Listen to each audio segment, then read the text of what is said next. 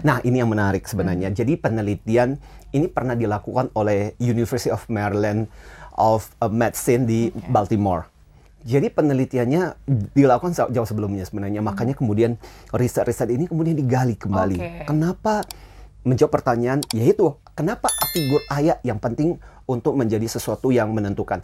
Dan dari hasil penelitian itu ditekankan begini. Ternyata anak-anak yang ayahnya hadir, figur ayahnya ada dan terlibat dalam kehidupan mereka, ternyata satu kemampuan akademik mereka jauh lebih baik. Okay. Yang kedua, harga diri mereka jauh lebih baik. -huh. Secara emosional mereka lebih matang dan dalam banyak aspek kehidupan mereka nilai-nilai value mereka jauh lebih baik. Okay. Termasuk tidak melakukan kejahatan atau tidak terlalu terlibat di dalam tindakan kriminal atau penggunaan obat-obat mm-hmm. terlarang. Mm -hmm. Nah, hasil penelitian inilah yang kemudian menjadi catatan penting kenapa perlu hadirnya figur ayah di dalam kehidupan anak-anak kita. Smart Business Hai Smart Listeners, apa kabar Anda hari ini? Semoga hari Anda menyenangkan. Kembali Audrey Joana dalam podcast Smart Business. Ini uh, apa ya, momen lucu gitu ya ketika dikasih topik ini. Audrey jadi bertanya-tanya, emang isu ini penting untuk dibahas atau mungkin semenarik apa sih isu ini dibahas?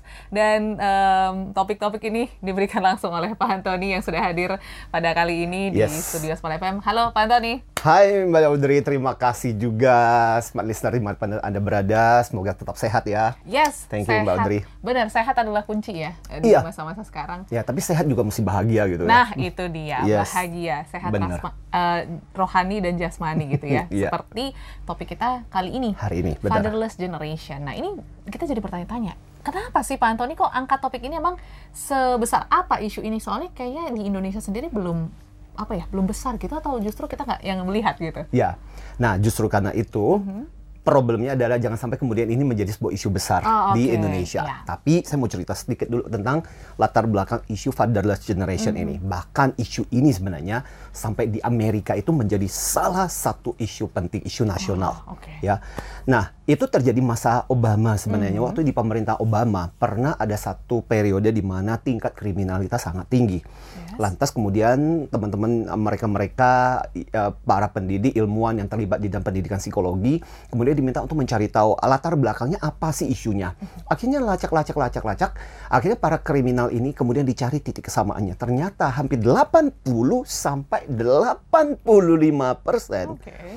kesamanya adalah gak hadirnya figur ayah di dalam kehidupan oh, mereka. Okay. Nah akhirnya kemudian ini yang membuat cukup shock mm -hmm. sampai muncul isu yang namanya fatherless generation, generation. itu. Yes. Okay. Wah, ini berarti uh, apa ya di luar mungkin sudah mulai aware gitu ya dengan isu yeah. ini dan pastinya juga kita uh, apa ya mengedukasi smart listeners lah ya jangan sampai Betul. di Indonesia besar isunya seperti yang Betul. dikatakan Pak Antoni. Ya. Tapi mungkin kita ingin lebih dalam gitu ya. uh, mengetahui fatherless generation ini apakah memang karena ayahnya nggak ada ya. ayah yang nggak ada itu seperti apa sebenarnya definisinya Pak Antoni? Nah ini menarik. Hmm. Yes. Jadi yang dimaksud dengan fatherless generation ya. bisa jadi karena dua alasan hmm. sih karena memang satu ayahnya itu memang sudah tidak ada, artinya yes. sudah meninggal, tidak ada di dunia ini lagi, jadi memang nggak punya ayah. Okay. Yang kedua adalah ayahnya ada, tetapi ayahnya sendiri tidak pernah hadir di dalam kehidupan si anaknya itu.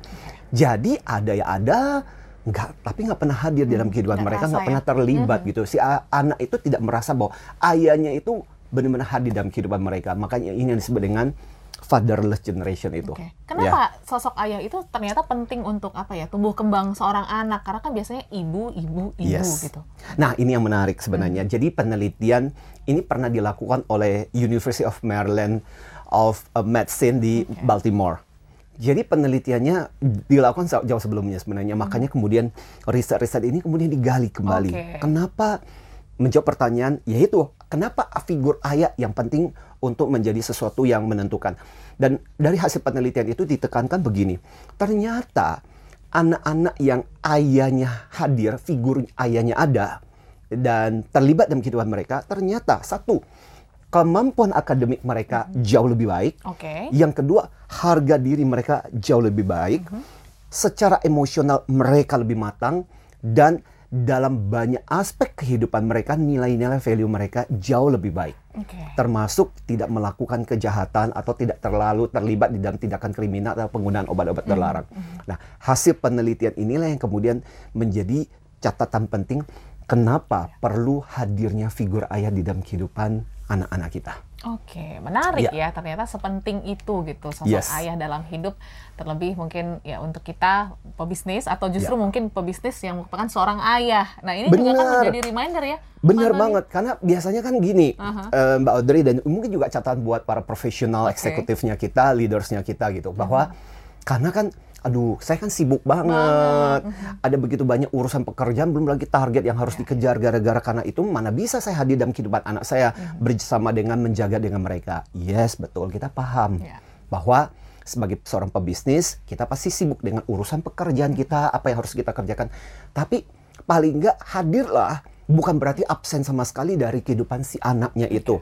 Karena seperti tadi, ternyata anak-anak yang dibesarkan dengan figur si ayah itu ternyata hidup mereka jauh jauh lebih matang gitu. Mm-hmm. Nah pada kesempatan ini sebenarnya Mbak Audrey dan juga untuk uh, smart listener kita dan untuk para profesional mendengarkan kita pada kesempatan ini adalah sangat penting gini menjawab pertanyaan bagaimana ayah itu penting di dalam yeah. untuk hadir dalam kehidupan mereka. Okay. Jadi secara psikologi perkembangan dulu. Mm-hmm. Jadi kita mengatakan perbedaan ayah dan ibu okay. dalam kehadiran si anaknya itu berbeda. Yeah. Jadi seorang anak belajar dari si ibu apanya sih? Anak itu belajar dari si ibu. Itu dalam hal kedekatannya mm-hmm. atau merasa secure-nya atau merasa amannya dengan dunia ini. Yeah. Ya, security dari si anak didapatkan dari si ibu. Sama bagaimana caranya pendekatan terhadap dunia, bagaimana approach dia akan belajar dari si ibunya. Ya, bagaimana caranya. Tetapi nilai-nilai karakter dia akan belajar dari figur si Ayah. bapaknya. Okay prinsip-prinsip itu belajar dari si bapaknya. Nah, bapak itu menjadi simbol maskulinitas okay. dalam kehidupan perkembangan si anak, mau hmm. anak cowok maupun anak cewek. Okay. Jadi nggak hadirnya figur ayah ini akan menyebabkan ada bagian yang hilang. Hmm. Nah, kenapa ayah? Karena kan sebenarnya gini, si ibu itu kan sudah hadir tiap hari bersama dengan yes. si anaknya. dari kandungan ya. Betul. Jadi udah dekat dengan si hmm. anaknya. Anak. Nah, ayah itu yang kemudian menjadi sangat opsional di sini. Hmm. Makanya ini menjadi catatan buat para ayah, para eksekutif. Hadirlah dan jangan absen.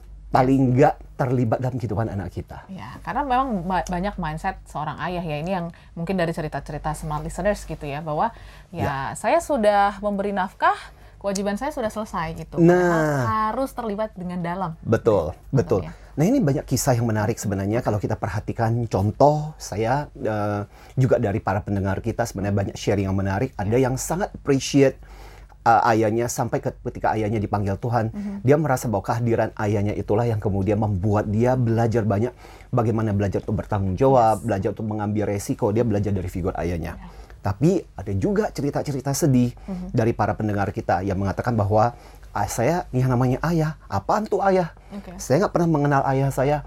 Iya ayah saya orang terkenal, orang yang sukses di dalam bisnis, tapi saya nggak pernah merasa bahwa dia hadir dalam kehidupan saya. Yeah. Nah ini kan tragis banget kan mm-hmm. gitu. Nah ini yang mungkin jadi semacam sindiran tantangan buat terutama para ayah sebenarnya yeah, yeah. untuk betul-betul mempertimbangkan betul apa artinya kita sukses di dalam dunia bisnis kita, mm -hmm. pekerjaan kita, tapi dalam keluarga kita dengan anak-anak kita kemudian mereka babak belur gitu. Iya, iya, iya. Ya, ini sebenarnya catatan buat kita. Oke, okay. tetapi mungkin ya. Pak Antoni yes. perjalanan sudah berlalu setengah mungkin ya. Ya, ya mungkin dari apa ya? Podcast kali ini baru menyadari, oh mungkin selama hmm. ini waktunya sudah terlalu fokus ke pekerjaan, kayaknya saya yeah. kurang fokus ke anak. Apa yang mungkin hal real yang bisa dilakukan oleh sosok-sosok ayah yang mungkin mau memperbaiki waktu tadi, okay. kehadirannya tadi yang hilang? Very good question, very good question. Jadi gini, apa yang bisa dilakukan oleh si ayah? Yeah. Kalau ya baru dengerin podcast, oh iya ya, Terus saya harus bertobat ini.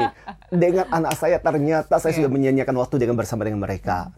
Saya selalu bilang, it's never too late untuk to start your relationship okay. with your boy or your girls okay. gitu ya. Jadi tidak pernah terlambat mm-hmm. untuk memulai hubungan. Jadi pertama-tama ya komitmen ulang. Mm-hmm. Jadi bikinlah komitmen ulang dengan anak Anda bahwa mulai hari ini dengan waktu-waktu yang masih tersedia buat saya, saya akan berusaha. Enggak peduli berapapun usianya kita. Meskipun secara teori psikologi ada yang disebut dengan the golden five. Bahwa usia yang penting buat anak-anak itu di lima tahun pertama. Ya sudahlah kalaupun mau berapapun usia selalu ada kesempatan buat kita untuk komit ulang yes. bahwa saya mulai sekarang akan betul-betul menyediakan waktu buat anak saya apa pun sesulit apa pun sesibuk apa pun apa pun saya. Mm -hmm. ya, itu yang pertama. Yang kedua, ya kalau perlu ya udah komit itu diceritakan kepada sebagai bentuk komitmen kita ceritakan kepada pasangan kita, orang-orang okay. termasuk kepada si anak itu yeah. bahwa si ayah ini aku sebagai si ayah itu accessible. Mm-hmm. Mau di kapan aja di telepon 24 uh, 7 hari okay. unavailable yes. buat kamu. Kamu Bener. boleh kapan aja mau telepon, mau mau nanya dan sebagainya, is okay. Yeah. Nah, kita harus terbuka buat itu. Jangan kamu jangan menghubungi ayah ya kalau ayah, ayah lagi di kantor yeah. gitu ya. Please no. Okay. Akhirnya ya terbukalah 24 jam toh nggak harus direspon gitu. Yeah. Anak juga paham kok. Mm-hmm. Dan yang menurut saya yang sangat penting juga adalah hadirlah terutama di dalam momen-momen penting anak kita. Okay. Yes. Pada waktu ketika anak kita misalnya contoh meraih juara satu, okay. atau misalnya contoh dia menang kejuaraan tertentu, yeah. atau misalnya pas ulang tahun itu kan momen-momen ya? penting ya? banget, hmm. ya hadir. Kita benar-benar harus hadir dan menyediakan waktu untuk hadir dalam kondisi kejadian seperti itu. Hmm. Kenapa itu memorable? Dan biasanya itu tak buat seseorang itu kan spesial tak ya. terlupakan dan ya. ketika ayah nggak hadir itu kan menyakitkan yes. banget gitu nah itu adalah beberapa hal yang bisa kita lakukan as a father untuk bisa hadir dalam kehidupan anak kita atau sebenarnya bisa juga meluangkan waktu misalnya waktu momen-momen kebersamaan special time. Mm -hmm. Jadi momennya ayah sama uh, my time with my boys, my time with okay. my daughter, my time with my girl gitu. Dia hmm. berdua aja pergi ke kafe, uh, ngobrol, mau bicara apa saja. Jadi momen-momen pribadi seperti itu di mana dia bisa bercerita apa saja itu momen yang sebenarnya bisa kita ciptakan mm -hmm. ya dan buat anak mungkin buat kita nggak ada papanya karena kita udah sering kali bercerita yeah. dengan siapa pun tapi buat si anak itu itu akan menjadi sebuah momen yang sangat berharga okay. kita harus menciptakan itu wah ini pasti yeah. sangat luar biasa jika langsung diterapkan gitu ya yes. uh, Pak Anthony yeah. tapi mungkin uh, ada pendengar kita juga yang mungkin merasa bahwa saya memang tidak memiliki sosok ayah karena mungkin ayah tidak ada di tempat gitu ya mungkin hmm. sudah meninggalkan kita atau mungkin Hah. sudah ya duluan lah mendahului kita gitu yes. apa yang mungkin bisa kita apa ya cari atau penuhi supaya kita juga punya apa ya modal untuk menghadapi dunia gitu yes. Anthony. Another very good question. Okay. Jadi betul. Mari kita lihat dari sisi sebaliknya. Oke, okay, saya adalah anaknya. Yeah. Anak yang sosok ayah saya itu nggak hadir dalam kehidupan saya. By the way, kalau Anda berkata seperti itu, saya juga loh. Ayah saya kan meninggal ketika saya berusia 4 tahun. Okay. So, for the rest of my life, sekarang saya 51, mm-hmm. saya nggak punya figur ayah hadir dalam kehidupan saya. Lebih dari 40, berapa, hampir 50 tahun. Mm-hmm. Tapi yang menarik adalah apa yang bisa kita lakukan. Satu, jadi ini juga menjadi catatan penting bahwa ketika kita nggak punya ayah, figur ayah hadir dalam kehidupan kita, ini harusnya jadi catatan penting warning seperti tadi penelitian mm-hmm. dari University of Maryland tadi jadi catatan bahwa ketika figur ayah nggak hadir, kita punya potensi rebellious lebih tinggi. Uh, seorang wanita mm-hmm. yang ayahnya nggak pernah hadir dalam kehidupan anaknya, itu ternyata lebih nakal. Okay. Ya, laki-laki dia punya kecenderungan untuk mencari figur pengganti ayahnya. Mm-hmm. Jadi dalam hal ini makanya sangat penting buat kita untuk menyadari, tapi bukan sebagai pembenaran. Yeah. Saya nakal begini, lah kan saya nggak punya figur nah, ayah, bukan. Jadi ini justru harus menjadi kewaspadaan yes. buat kita bahwa oke, okay, saya harus berhati-hati. Nah yang kedua adalah mencari figur pengganti. Mm -hmm. Tapi ini pun harus berhati-hati. Yes, jangan salah, Jadi ya. jangan sa cari salah figur pengganti. Yes. Jadi kita bisa mencoba mencari figur pengganti orang-orang yang memang capable untuk menggantikan kita. Okay. Nah, dalam kehidupan saya, saya bersyukur saya punya kakak yang ah. kemudian menggantikan figur Ayah. bapak saya yang hilang gitu. Mm -hmm. Jadi atau mungkin guru yang memang bisa memberikan wejangan yeah. atau nasihat kepada kita itu pun sebenarnya bisa menjadi mm -hmm. pengganti figur ayah kita jadi kita bisa menemukan sosok-sosok itu pada diri mereka jangan sembarangan sekali lagi ya okay. karena sering kali kemudian jadi pelampiasan yang salah ketika kita mencari figur yang salah gitu nah yang juga catatan penting buat kita adalah bisa juga loh sebenarnya mencari figur imajiner jadi imaginer. membayangkan bagaimana seorang figur seorang ayah itu hadir dalam kehidupan okay. kita. Nah, saya itu punya satu kebiasaan, mm -hmm. satu hal yang sering kali saya lakukan ya karena nggak punya figur ayah. Okay. Satu, saya punya janji setiap tahun saya akan mengunjungi makamnya ayah ah. saya. Di situ saya bisa curhat. Okay. Bisa sejaman saya di makamnya ayah saya dan kemudian ngobrol di situ atau kadang-kadang saya membayangkan figur ayah yang saya kagumi itu hadir dalam kehidupan saya. Saya berdialog kira-kira apa yang adik-adik katakan ketika saya menghadapi satu situasi. Ya, mungkin ini kesannya agak tanda petik ini memang harus dilakukan sendiri dan gak boleh ketahuan yang lain gitu yeah. di dalam kamar gitu. Kan kalau kita ngomong sendiri dipikir sudah gila gitu. tapi itu menolong membantu kita untuk membayangkan bagaimana sosok itu hadir dalam kehidupan kita dan kita berdiskusi. Jadi ini jadi catatan penting buat kita memang bahwa ketika kita figur ayah tidak hadir tetap aja kok bukan berarti menjadi alasan. Justru harusnya memberikan peneguhan. Intinya termasuk juga kalau kita mendapatkan situasi seperti itu kepada anak-anak kita, mm-hmm. jangan kita menjadi ayah yang nggak hadir yes. atau absen dalam kehidupan mereka. Ah, ya harusnya okay. itu menjadi janji juga buat kita. Nah ini ya. dia reminder yang manis ya dari Pak yes. Antoni pada hari ini di ya. podcast yeah. edisi uh, Fatherless Generation. Semoga Indonesia tidak apa menemui fase yang buruk ya karena ya. akibat dari fatherless Bapak-bapak yang hadir dalam kehidupan iya, anak. Yuk, sama-sama hadir yes. di dalam hidup anak ya. dan pastinya uh, semoga anak-anak Indonesia juga bisa berkualitas ke depannya karena yes. ada sosok ayah. Kalau yes. begitu kita akan ketemu dalam episode lain. Small listeners, terima kasih sudah mendengarkan. Sampai jumpa dan sehat selalu untuk Anda. Smart Business. Lead you better.